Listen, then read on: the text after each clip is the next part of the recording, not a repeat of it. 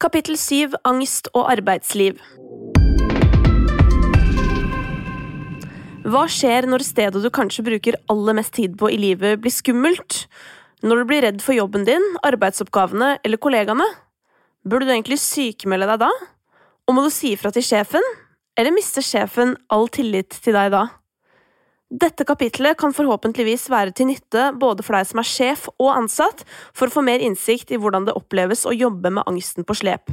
Kanskje kan det også inspirere deg til sykenærvær, som psykologen vår Karina Paulsen skal fortelle deg mer om snart. Gjesten i dette kapitlet er altmuligmannen Aksel fra Oslo, som ble truffet av panikken for under et år siden, og som har gått stegene fra å prøve å jobbe på selv om panikken raser som verst, til å sykemelde seg helt, og til nå å være deltaker delvis tilbake i jobb. Vi skal høre historien til Aksel før vi sammen med psykologen snakker om hvordan man kan leve best mulig med angst i arbeidslivet. Og er dette ditt første møte med podkastserien Noia, så anbefaler jeg at du hører introen først, som alltid, for der får du vite mer om bakgrunnen for denne serien, hva angst er, og hvordan du kan få hjelp.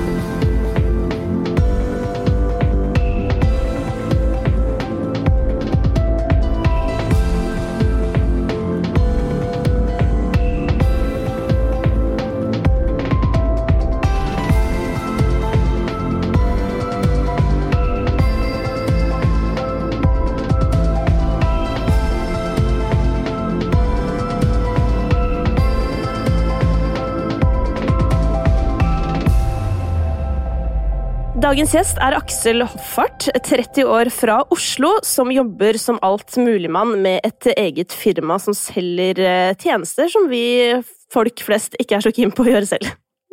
Velkommen. Ja. Jo, tusen takk. Du, Aksel, kan ikke du fortelle oss din historie med angsten? Jo, det kan jeg gjøre. Um, historien min er ganske fersk, egentlig.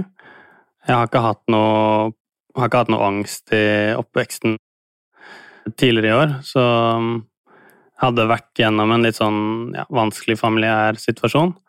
Uh, mye stress på jobben og sånne ting. Og så satt jeg i en samtale, og plutselig, bare helt ut av det blå, så var det akkurat som du skrudde av en bryter, eller på en bryter, hvor alt bare ble helt svart, og jeg ble livredd. Jeg begynte å skjelve, svette, uh, skjønte ingenting av hvor jeg glemte på en måte hvor jeg var, og hva jeg gjorde, og hvor jeg skulle. Alt ble bare helt sånn virvar, da, samtidig som jeg var livredd. Og så um, spurte jeg broren min sånn Ja, hva er det som skjer nå? Hva, hva skjer med meg, da?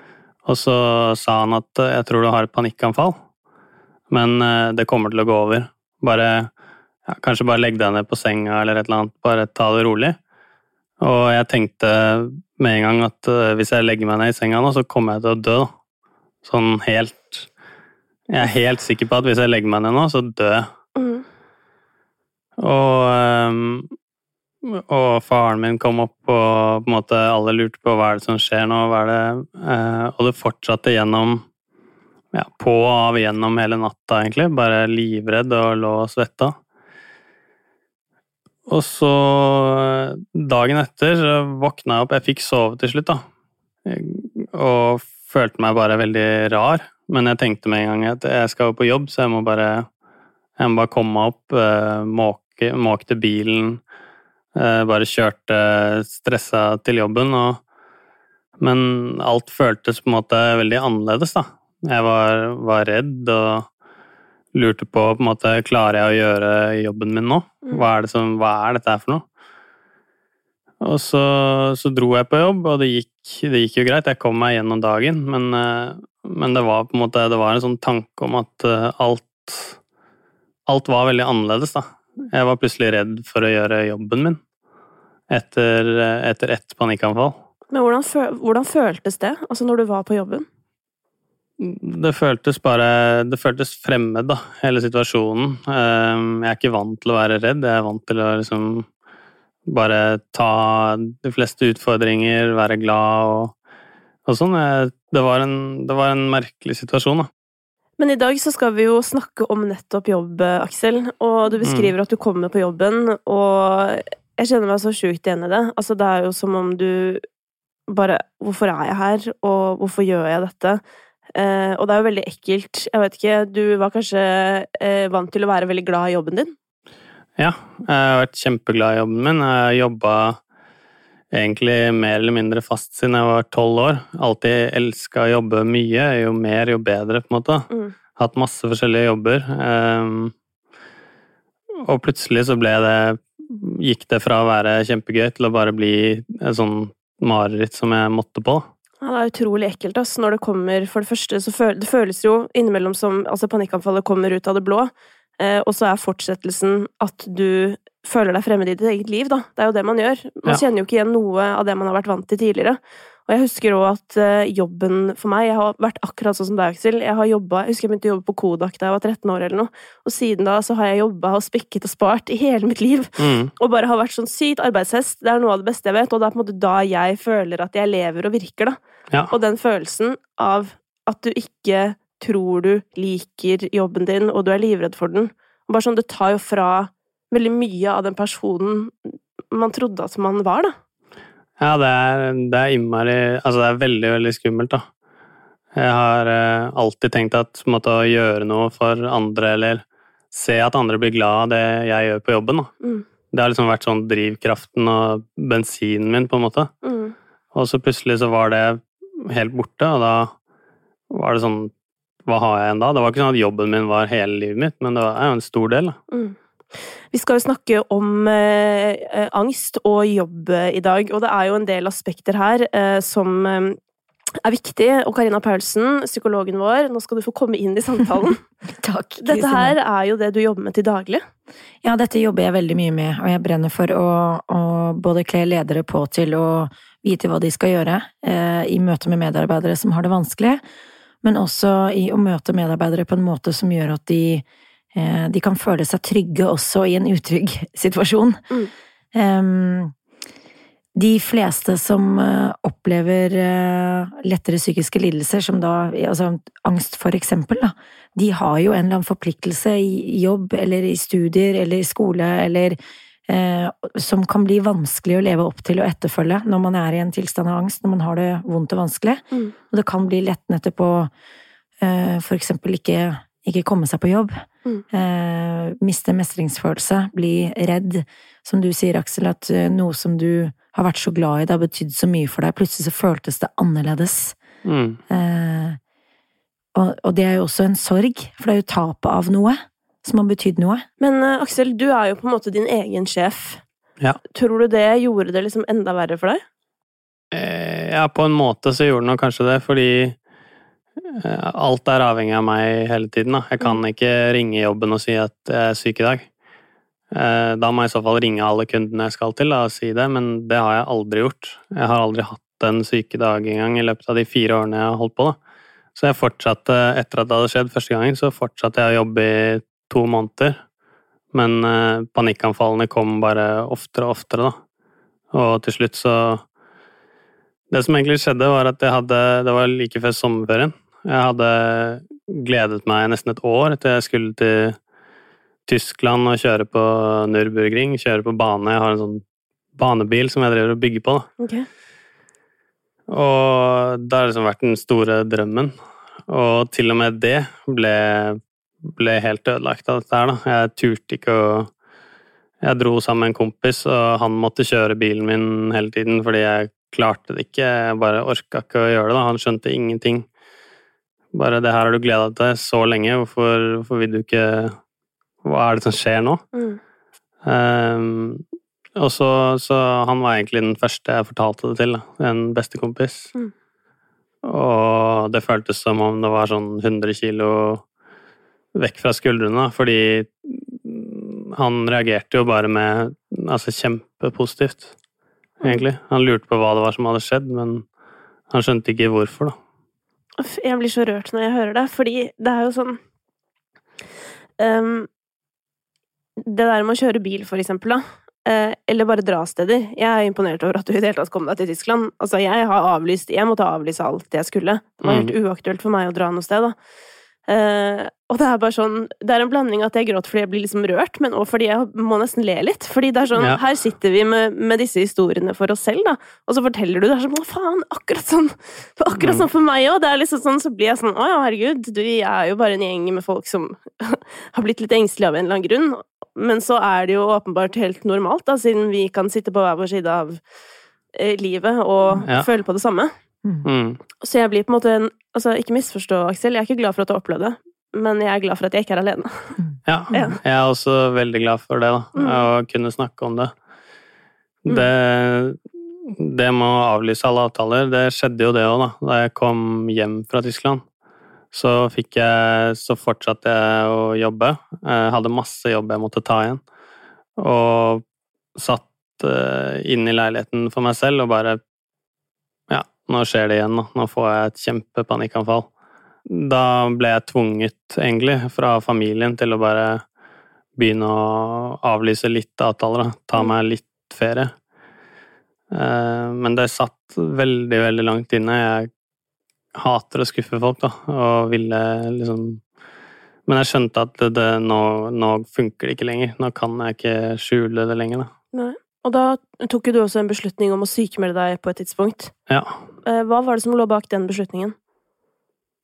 Nei, det var egentlig at jeg følte at jeg ikke klarte å gå på jobb, da. Mm. Det var eh, Det ble sånn eh, som på en måte alt som skjedde i livet mitt, var grusomt hele tiden. Eh, Ingenting var noe gøy lenger, da. Og i og med at det var midt på sommeren, så var det ikke så farlig å ta seg en liten ferie, da. Det er vanlig, folk har ferie om sommeren. De har det. Selv, selv om jeg ikke har vært så vant til å ha det, så er det jo man, Det er ikke så rart i Norge å ha ferie om sommeren. Men nå eh, har du begynt å jobbe litt igjen. Ja. Nå har jeg begynt å jobbe 20 mm. og eh, har vært tilbake hos mange av de kundene som Altså, jeg har jo fått mm, tendenser til panikkangstavfall hjemme hos kunder, ikke sant? Altså sånn, sånn at hele, hele leiligheten der de bor, eller hele stedet, har vært en sånn skummelt Det har vært et sånn skummelt sted, da. Mm. Så det har vært en, en barriere å i det hele tatt dra tilbake til en del av de kundene som jeg har vært masse hos før. Mm. Men, eh, men hittil er det stort sett bare positivt eh, å begynne å jobbe litt igjen, da. Fordi nå jeg har klart å kontrollere panikkangsten. På et tidspunkt så hadde Midt på sommeren så hadde jeg liksom bare barrikadert meg inne i leiligheten. Eh, satt med sånn kanskje fem-seks plastposer med, med hull i, bare ved siden av meg, fordi jeg hadde prøvd å puste. Jeg hadde lært at hvis du hvis du puster i en pose, så øker du karbondioksidnivået i blodet, og så, og så er det mindre sjanse for å få panikk, da. Sånn som, eh, sånn som man ser på fly i filmer og sånn. Mm. At det er ikke bare for å få tanken over på noe annet, det er faktisk eh, noe som skjer i kroppen, da. Men, men eh, Aksel, fikk du Altså, har du gått og fått hjelp? Ja, det har jeg. Eh, Jeg har kommet inn hos eh, eh, DPS, altså det er Lovisenberg, eh, og får, har fast samtaleterapi for å, for å på en måte komme meg gjennom, eller ja, lettere komme meg gjennom, og egentlig for å, for å lage en plan for veien videre. Mm. Hvordan opplever Fordi- du det? Jeg opplever det som, som veldig bra å ha et sted å gå til og ha noen å snakke med om det. Mm. Det går an å snakke med venner og familie, men det er, det er på en måte begrensa hvor mye man har lyst til at det skal være tema hjemme, da. Eh, Karina, Ja. Det er jo sånn at eh, når det kommer til jobb og eh, angst, så eh, er det jo flere sider av saken. Det er jo det å være ansatt og ha fått problemene, og hva gjør man da? Og så er det dette med å være leder. Hva gjør du som leder når du vet at du har ansatte som har plager? Og så har du jo tredje varianten, som er Aksel her, som er sin egen sjef. Og akkurat nå, Aksel, er jo vi i samme situasjon, for jeg er også min egen sjef. Men da jeg fikk mitt første panikkanfall, da var jeg ikke det. Da jobba jeg i NRK, eh, og jeg skjønte jo eh, Dette skjedde jo for meg eh, mens vi var i Trondheim og sendte direkte radio fra en festival. Og jeg hadde én sending igjen etter jeg hadde fått da mitt første panikkanfall fredagen før. Jeg bare skjønte med en gang da jeg må bare si, Det her må jeg si til alle som jeg har noe forhold til, fordi det her orker jeg ikke. på en måte. Jeg, jeg klarte ikke å bære det alene da. Men det er jo ikke alle som eh, kanskje syns det er så enkelt å være åpne, Karina. Nei. Så hvordan kan man på en måte si fra, eller burde man si fra? På jobben, for eksempel? Det det er veldig vanskelig egentlig å gi noe klart svar på det. Det jeg kan si, det er at de aller fleste bekymrer seg vesentlig mer for å si fra enn det det er grunn til. Altså, min erfaring er at eh, veldig mange kvier seg for å, for å fortelle til sin egen leder, for eksempel, på forhånd, men erfarer at det gikk mye bedre enn, eller de fikk mye mer støtte enn eh, det de hadde forventet. Eh, så i de langt de fleste tilfeller så er det en positiv erfaring og opplevelse. Mm. Og en leder kan heller ikke hjelpe til, bistå, legge til rette for eller støtte hvis ikke lederen vet. Jeg husker at eh, selv om jeg tenkte sånn, jeg må bare si det med en gang, så var jeg òg Det jeg var redd for, da, det var at um, jeg skulle på en måte bli fratatt oppgaver jeg hadde lyst på, hvis du skjønner. Og i hvert fall siden jeg har jo en jobb hvor man plutselig kanskje skal liksom uh, ha store TV-eventer eller sånne ting som uh, jeg, i hvert fall på det tidspunktet, tenkte at var noe jeg hadde lyst til å holde på med, da. Så det var jeg dritredd for. Jeg tenkte sånn, faen, hvis jeg sier det nå, så kommer de til å tenke at jeg er klin gæren, og jeg kommer aldri til å bli stolt på. Noen gang igjen. Og det er vel en ganske vanlig bekymring. Absolutt. Og så, er det jo, så tenker jeg jo at det er nettopp der du er veldig troverdig, hvor du tør å Eh, åpne opp og fortelle hvordan du har det. Som leder sitter man ganske alene, og det er ikke alt man blir involvert i, verken hva som foregår mellom medarbeidere eller eh, hos medarbeiderne eh, hver især. Um, og jeg tenker at det å være ærlig, tørre å, å fortelle egen leder hva man står i i livet, for eksempel, eller hvordan man opplever det å være på jobb, hvis det er noen utfordringer man har, så vil det heller vitne om troverdighet. Det vil gjøre at lederen din vet hvor han eller hun har deg, og hva han eller hun skal gjøre for å kunne lede deg.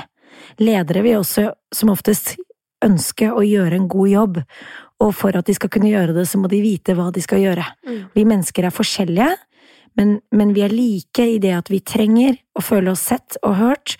Vi trenger å oppleve tilhørighet, vi trenger å føle på at vi er viktige. Ja, og jeg kan jo fullføre den historien med at eh, resultatet eh, av at jeg fortalte det, var jo at jeg fortsatt gjorde VG-lista Topp 20 på Rådhusplassen fire måneder senere, eller noe. Mm. Eh, og da ble jeg eh, så sjukt glad for at jeg fikk den tiltroen, fordi det hadde på en måte vært min største frykt i forbindelse med å si ifra. Mm. Men så fikk jeg likevel den tilliten, og kanskje nettopp på grunn av det du sier, Karina fordi de kunne stole på at her er det noen som sier fra hvis det er noe. Nettopp. Og ledere vet jo De er jo mennesker, først og fremst.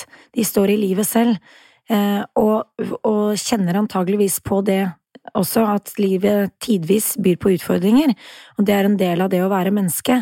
Så det vil si at som leder så vil man møte på medarbeidere, og kanskje omtrent kontinuerlig, som opplever motgang, som opplever utfordringer.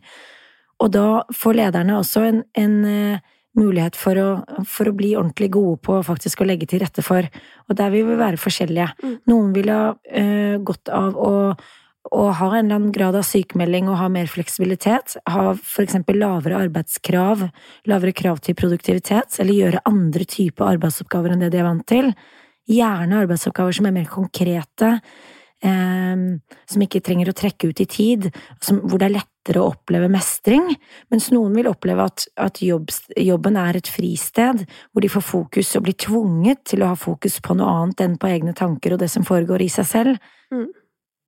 Aksel, eh, gjorde du noen tilpasninger sånn på arbeidsoppgaver? Jeg har gjort uh, noen tilpasninger. Jeg har vært uh, kanskje blitt flinkere til å si nei til en del jobber som som jeg ikke Store jobber og sånn som jeg ikke har følt at jeg kan ta på meg. Mm. Tidligere så har jeg nesten sagt ja til alt. Ja. Men uh, jeg var også veldig spent på Jeg har nesten lyst til å spørre deg om også det, det der med det du nevnte nå, da. Uh, det med tillit. Fordi det har jeg vært kjempebekymra for. Det har vært en av de største bekymringene. på en måte sånn hvordan hvor lenge vil folk tenke at uh, ja, han er syk, eller det er et eller annet gærent med han, eller Hvor lenge dør han med angst?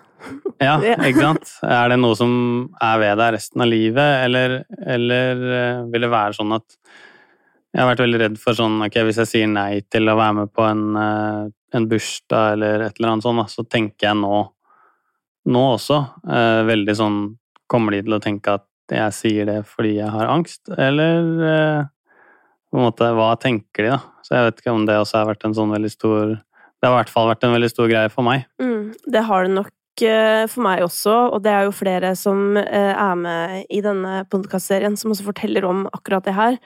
Eh, og selvfølgelig er det det. Ikke sant? Fordi vi har jo allerede tankekjør fra helvete, så selvfølgelig kommer jo det der på toppen av alt. Mm. Jeg tenker jo mer og mer nå, da, at ja, jeg er jo kanskje hun med angst for noen, på en måte, og for noen så kanskje jeg alltid er det, men for meg så er jeg så sjukt mye, og så på en måte Kanskje på sånn 17.-plass på lista så har jeg også angst, da. Mm.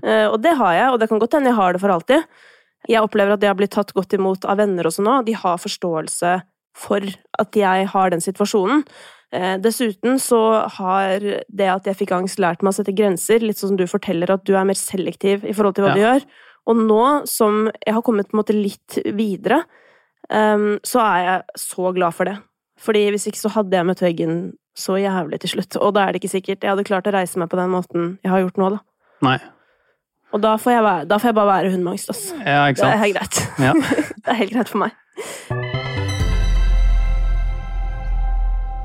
Hvis man brekker et bein, eller får hjernerystelse eller streptokokker eller hva som helst, så er det jo på en måte veldig åpenbart at man må være hjemme fra jobb litt. Um, men når man sliter inni seg, så kan det kanskje være vanskeligere for folk å ta det steget, da. Og gå til legen og be om en sykemelding. Mm. Forstår du det? Ja, absolutt. Det kan være vanskeligere, og veldig mange kjenner på nettopp det å skulle ønske at de hadde noe som kunne synes utenpå. For det hadde vært lettere. Da får man jo også sympati og forståelse fra omgivelsene. Det er noe åpenbart, noe konkret, noe man kan peke på og sette fingeren på, også for seg selv. Ehm, så på mange måter så, kan det oppleves som vanskeligere å eh, måtte eh, for eksempel sykmelde seg, være borte fra jobb eller eh, i andre sammenhenger i livet når man ikke har noe synlige. Jeg tenker at det er, det er vel så eh, god, i gåseøyne, sykemeldingsgrunn. Um, samtidig som jeg har lyst til å understreke at det er viktig når det kommer til psykiske lidelser og psykiske tilstander, da, at vi ikke isolerer oss. Fordi det er det veldig mange opplever, å føle mye skam. Og det innebærer stor frykt for hva vi andre tenker om meg hvis de vet hvordan jeg har det vet hvordan jeg tenker, og det å da huske på at det er ingenting du noen gang har tenkt eller følt som ikke har vært tenkt eller følt av andre. Eh, huske på at du ikke er alene, du er ikke så unik at dette bare angår deg, og det glemmer man ofte når man er i den tilstanden. For noen så vil det være godt å få litt pustepause og være kanskje noen dager eller eh, hjemme fra jobb, eller å ha en litt redusert eh, stilling en periode, for eksempel, som skaper litt rom og plass og luft til å kunne mestre hverdagen og livet, og en hverdagslig struktur som er så utrolig viktig for psykisk helse. Um, men jeg tror det er helt avgjørende ikke å isolere seg. Eller jeg vet det er helt, avgjørende ikke å isolere seg. Det er én viktig ting å vite, og det er at forskning peker i retning av at omkring åtte ukers etter åtte uker sykefravær, hvis man har vært sykemeldt 100 i åtte uker, så skjer det et eller annet. Det vil si, sannsynligheten for å komme tilbake i jobb igjen etter å ha vært sykemeldt i åtte uker, er svært redusert. Så det å, å å forsøke å holde seg til en periode, en liten periode, og forsøke i det små, for eksempel, å komme tilbake, samarbeide med, led, eh, med, med, lege og leder, og bringe flere mennesker inn på banen som kan hjelpe og bistå og skape trygghet i situasjonen, er viktig. Mm. Og her blir jeg nysgjerrig på deg, Aksel. Eh, opplevde du det Karina snakker om nå, at eh, det på en måte ble en slags hjelper å komme smått i gang med jobb igjen? Ja, det opplevde jeg fordi at uh, jeg fikk uh, avkreftet en del av de tankene jeg hadde, da, om at uh, dette klarer jeg ikke, og jeg kommer aldri til å kunne jobbe igjen. Det har vært en reell bekymring. En uh, Det har du ikke vært aleine om, for å si det sånn. Nei. Nei, jeg har tenkt det, at uh, jeg kommer aldri til å komme meg tilbake på jobb igjen. Så, så det å få prøve litt I begynnelsen så måtte jeg ha med meg faren min på jobb. Ikke sant? Altså, det var så langt det gikk, da. bare å gå inn i leiligheten til en kunde var var skummelt, da. Det er jo, vi er jo veldig forskjellige her, og det er viktig å understreke. fordi det finnes jo også de historiene hvor folk har vært hjemme fra jobb i over eh, åtte uker og fortsatt kommer tilbake og alt går bra, så det må vi jo bare ha sagt. Du er jo gradvis på vei tilbake, Aksel. Jeg var hjemme i åtte dager. Eh, jeg ville ikke være hjemme sjøl, men jeg fikk på en måte beskjed litt sånn fra ledere og ja, folk rundt meg sånn kanskje du skal ta deg en liten pause. Mm. Fordi alle var bare enige om at jeg har jo alltid jobba så mye. Sikkert ja. Eh, kan se for meg at du har fått høre det samme. Ja, ja, Det var bare et tidsspørsmål før dette skulle skje med deg, for du har jo alltid jobba så mye. Ja. Alltid sagt ja til alt. Uh, hjulpet venner med ting, vært liksom rundt omkring overalt. Aldri sagt nei til ting. Liksom, det er sånne ting jeg har fått høre i, i ettertid. da. Ja, du mm. er jo altfor snill, og du tar jo på deg altfor mye og sånn, så det det er jo vanskelig å vite liksom akkurat hva det er som er årsaken, ikke sant. Er... Men man har jo sikkert trådd over noen grenser. Men eh, jeg har lyst til å være en positiv stemme for deg nå, Aksel, og si at um, jeg jobber nå mer enn jeg har gjort noensinne. Mm. Um, men jeg har ordna meg på en måte som er god for meg, da. Og da jeg var hjemme fra jobb de åtte dagene, så ble jeg klin gæren. Mm. Og det høres veldig dramatisk ut uh, at jeg sier det på den måten, men det er ikke tull. Jeg fikk det så forferdelig, som jeg aldri har hatt det tidligere, og var liksom på rasende fart inn i en ganske heavy depresjon fordi jeg stengte meg inne eh, og ikke gjorde noen ting, og fikk være veldig lenge alene om gangen med tanken om at jeg kommer aldri til å kunne jobbe igjen. Og dessuten Å ja, jeg har aldri likt musikk. Å ja, jeg, hvorfor jobber jeg på radio, egentlig? Herregud, er, hva faen? Jeg er jo helt tragisk. Altså, det var bare Bare fullstendig krise. Eh, og jeg måtte også bli fulgt til jobb. Jeg ble, altså Kjæresten min måtte leie meg til jobben, liksom, og han satt på en stol ved siden av og fulgte meg hjem igjen, på en måte. Og sånn var det, ikke sant. Og bare på åtte dager Det her syns jeg er skikkelig ekkelt, og en viktig grunn til å fortelle det. På åtte dager så hadde jeg rukket å bygge opp en så sterk frykt for bygningen, for jobben, for alle menneskene i gangen, at jeg følte at jeg måtte gå på krykker når jeg kom opp i gangen eh, til P3, som er i fjerde etasje, da må man liksom opp en liten heis og noen greier. Og det var sånn, jeg måtte holde meg i veggene for å gå bort til vanndispenseren for å hente vann, og når jeg satt i studio, så satt jeg og bare liksom holdt så hardt fast i bordet at jeg fikk vannblemmer. Eh, og det pågikk i to måneder, da, og det er to måneder for å bli kvitt noe Altså ikke kvitt, da, men ble, da ble det begynt å bli bedre. Mm. Noe som hadde klart å bygge seg på åtte dager. Mm. Det er, det er, veldig viktig det du sier.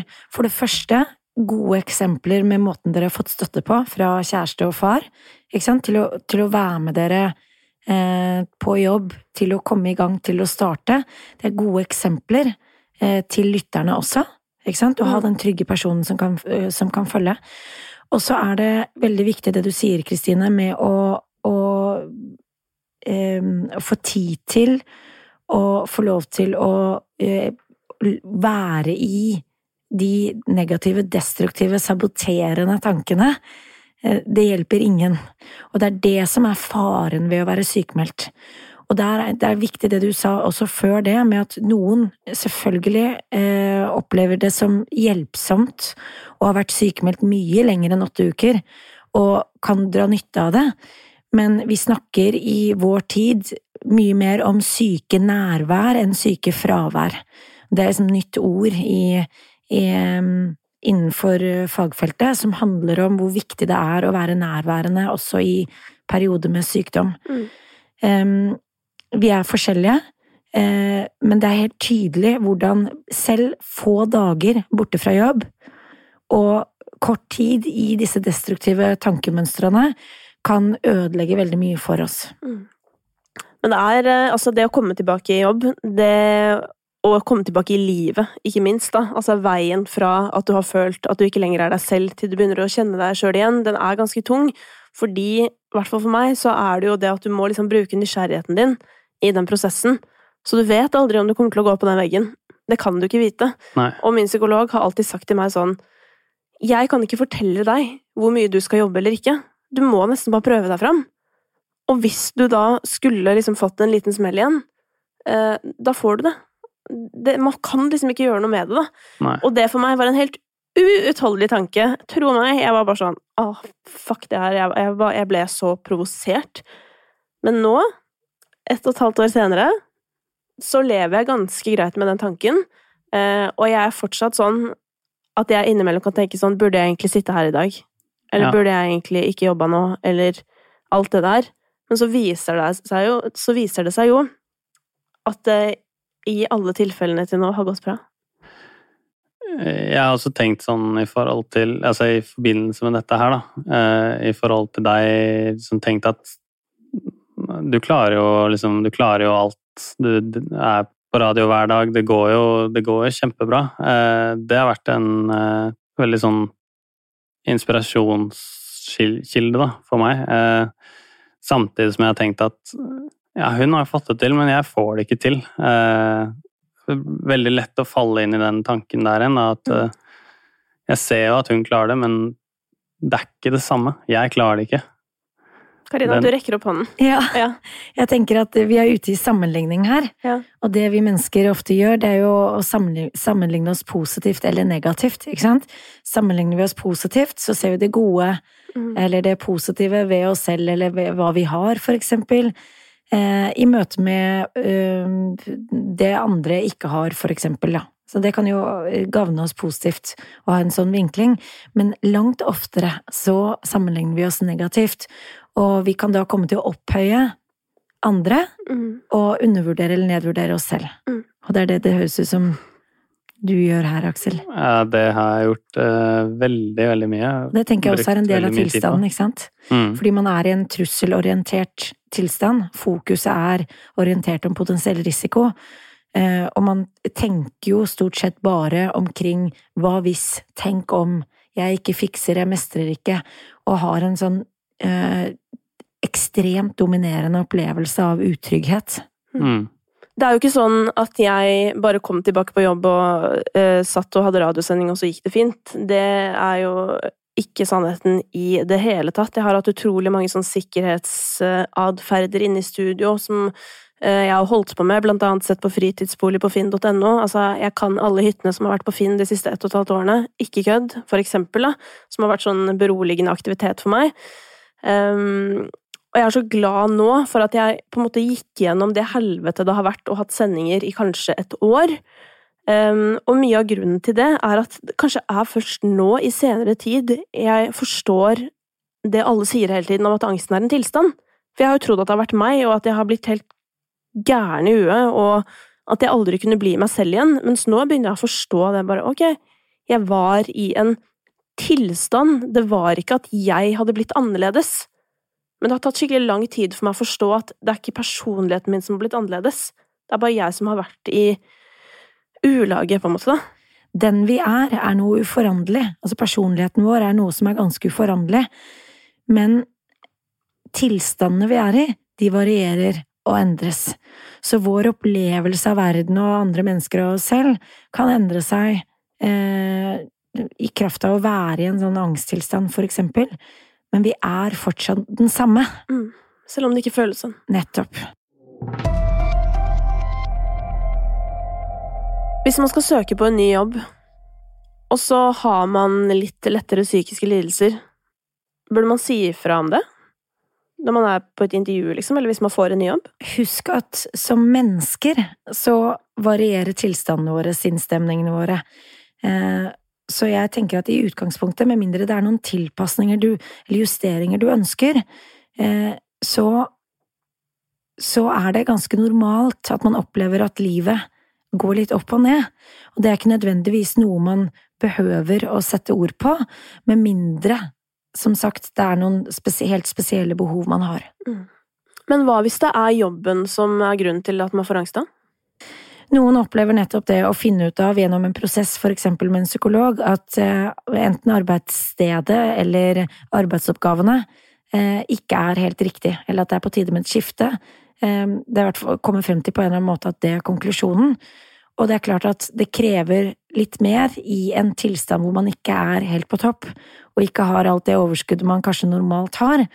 Men i veldig mange tilfeller da, så kan nettopp det være med på å, å, å ha en ekstremt positiv virkning, da, fordi da plutselig kan man oppleve glede, mestring, man kan oppleve å få påfyll, energi, um, og, og, det kan være noe av den viktigste behandlingen i seg selv. Det å stå i jobb er noe av det viktigste man, man kan gjøre i å, å, behandle angst, for eksempel. Mm. Det er en eh, kilde til eh, tilhørighet, til normalisering, til opplevelsen av å være verdifull, til mestring, og til å bli sett og hørt, som er helt grunnleggende for oss mennesker. Mm. Og som leder så kan, tenke, så kan du tenke enkelt at en medarbeider trenger å bli satt verdi på, trenger å vite at han eller hun er verdifull og har en, har en funksjon, viktig funksjon, um, trenger å bli sett og hørt. Men at en leder uh, setter pris på og ser og hører en ansatt, det er jo ikke alltid nok hvis eh, skaden først har skjedd, på en måte. Eh, hva kan man gjøre som leder for å hjelpe eh, en ansatt som har trøbbel med å holde seg i jobb? Jeg tenker være nysgjerrig, spørre, vær oppsøkende, legg til rette for dialog, og spør hva den ansatte trenger. I noen tilfeller så vil den ansatte ha ganske klare tanker om hva som vil være nyttig, for eksempel hvilke arbeidsoppgaver man ønsker å ha eller ønsker å fritas fra, eller hvordan man ønsker å jobbe. I andre sammenhenger vil den ansatte oppleve det som veldig godt og lettende og støttende at lederen selv tar initiativ og, og Eh, baner litt vei og sier at ok, jeg har et forslag, jeg foreslår at vi gjør det sånn, du tar dette, disse områdene her eller disse oppgavene, hvordan høres det ut for deg? Så noen vil oppleve å nære av å få stor grad av frihet, andre vil oppleve å nære av å ha stor grad av um, tydelighet og rammer da, mm. for hvordan man skal jobbe. Mm. Og jeg tenker at dialog, gå i dialog, snakk sammen om det, gjør det til, en, til et eh, eksperiment eller prosjekt hvor man kan prøve seg litt frem og teste litt, mm. og finne ut av sammen hva som fungerer. Jeg tenker at eh, det du alltid sier, Karina, nemlig at man er i en tilstand av angst, også er fint for sjefer å vite, for det er ikke sånn at vi kommer til å være klin gærne for alltid. Det er at vi har en periode hvor vi er i en tilstand. Det er ikke sånn at jeg har en infeksjon som driver og sprer seg ut i kroppen. Uh, og det tenker jeg er liksom bra å vite, for det er jo mange sjefer også som bare er usikre på hva det er, da, og at med en gang man hører at sin ansatte har et psykisk problem, så tenker de sånn ah, faen. Absolutt, og er, ledelse er jo psykologi, og det å ha innsikt i hvordan vi mennesker fungerer, hvorfor vi tenker og handler og uh, føler og agerer som vi gjør, det er uh, ganske grunnleggende kunnskap å inneha som som leder med personalansvar, da. Så det, det, er jo en invitasjon, tenker jeg, for ledere til å sette seg litt inn i, eh, i menneskesinnet og hva som hjelper, og der kan det være ganske enkle ting man kan gjøre som kan, som kan, som kan hjelpe og støtte en medarbeider som har det vanskelig. Mm. Helt grunnleggende, igjen, opplevelsen av å bli verdsatt, sett og hørt. Mm. Og også at, ikke, at lederen også vet at det ikke trenger å være så dramatisk. Nettopp. For det blir jo veldig slitsomt for meg hvis jeg eh, Jeg er jo altså Aksel, jeg jobber jo med folk. Altså det er mye folk rundt meg, og hvis jeg har en mm. dårlig dag, så bare sier jeg sånn Alle sammen, i dag har mamma en dårlig dag, da. Eh, så ja. i dag så Ja, jeg må bare ha det sagt. Eh, og det hadde vært veldig slitsomt for meg hvis det hadde blitt tatt imot på en utrolig dramatisk måte. Da hadde jeg jo ikke turt å si det, ikke sant. Så det er jo det òg at man på samme måte Altså at bli møtt med noe normalt. Absolutt, og som leder så kan du stille spørsmål for eksempel hvordan kan jeg møte deg på en måte nå som gjør at du føler deg respektert? Eh, hva trenger du fra meg? Hvordan kan jeg lede deg best mulig i den perioden du er i livet ditt nå? Eh, hva trenger du fra meg? Mm.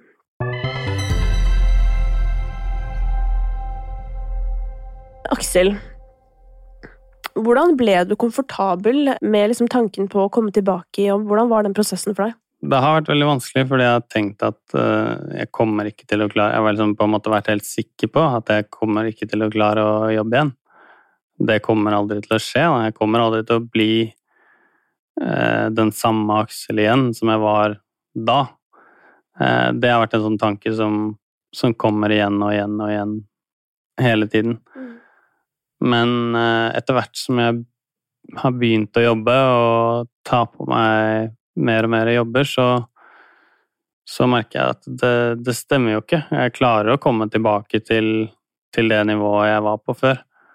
Og kanskje jeg til og med klarer å komme til et høyere nivå fordi at jeg blir flinkere til å sette grenser eh, for meg selv, da, og ikke gjøre absolutt alt hele tiden. Mm. Jeg har lyst til å si at eh, tanken om at hva hvis jeg aldri klarer å jobbe igjen, at det er en tanke som tilhører tilstanden, heller enn deg som person, da.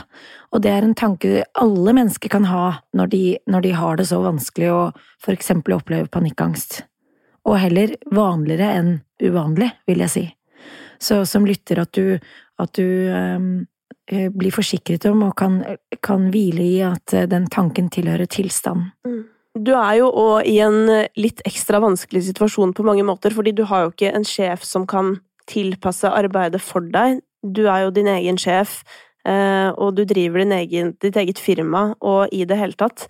Ehm, Ser du for deg at du er tilbake på 100% en dag? Ja, det må jeg jo gjøre. Hvis ikke så har jeg ikke noe motivasjon, da. Så jeg ser helt klart for meg at jeg kommer til å jobbe 100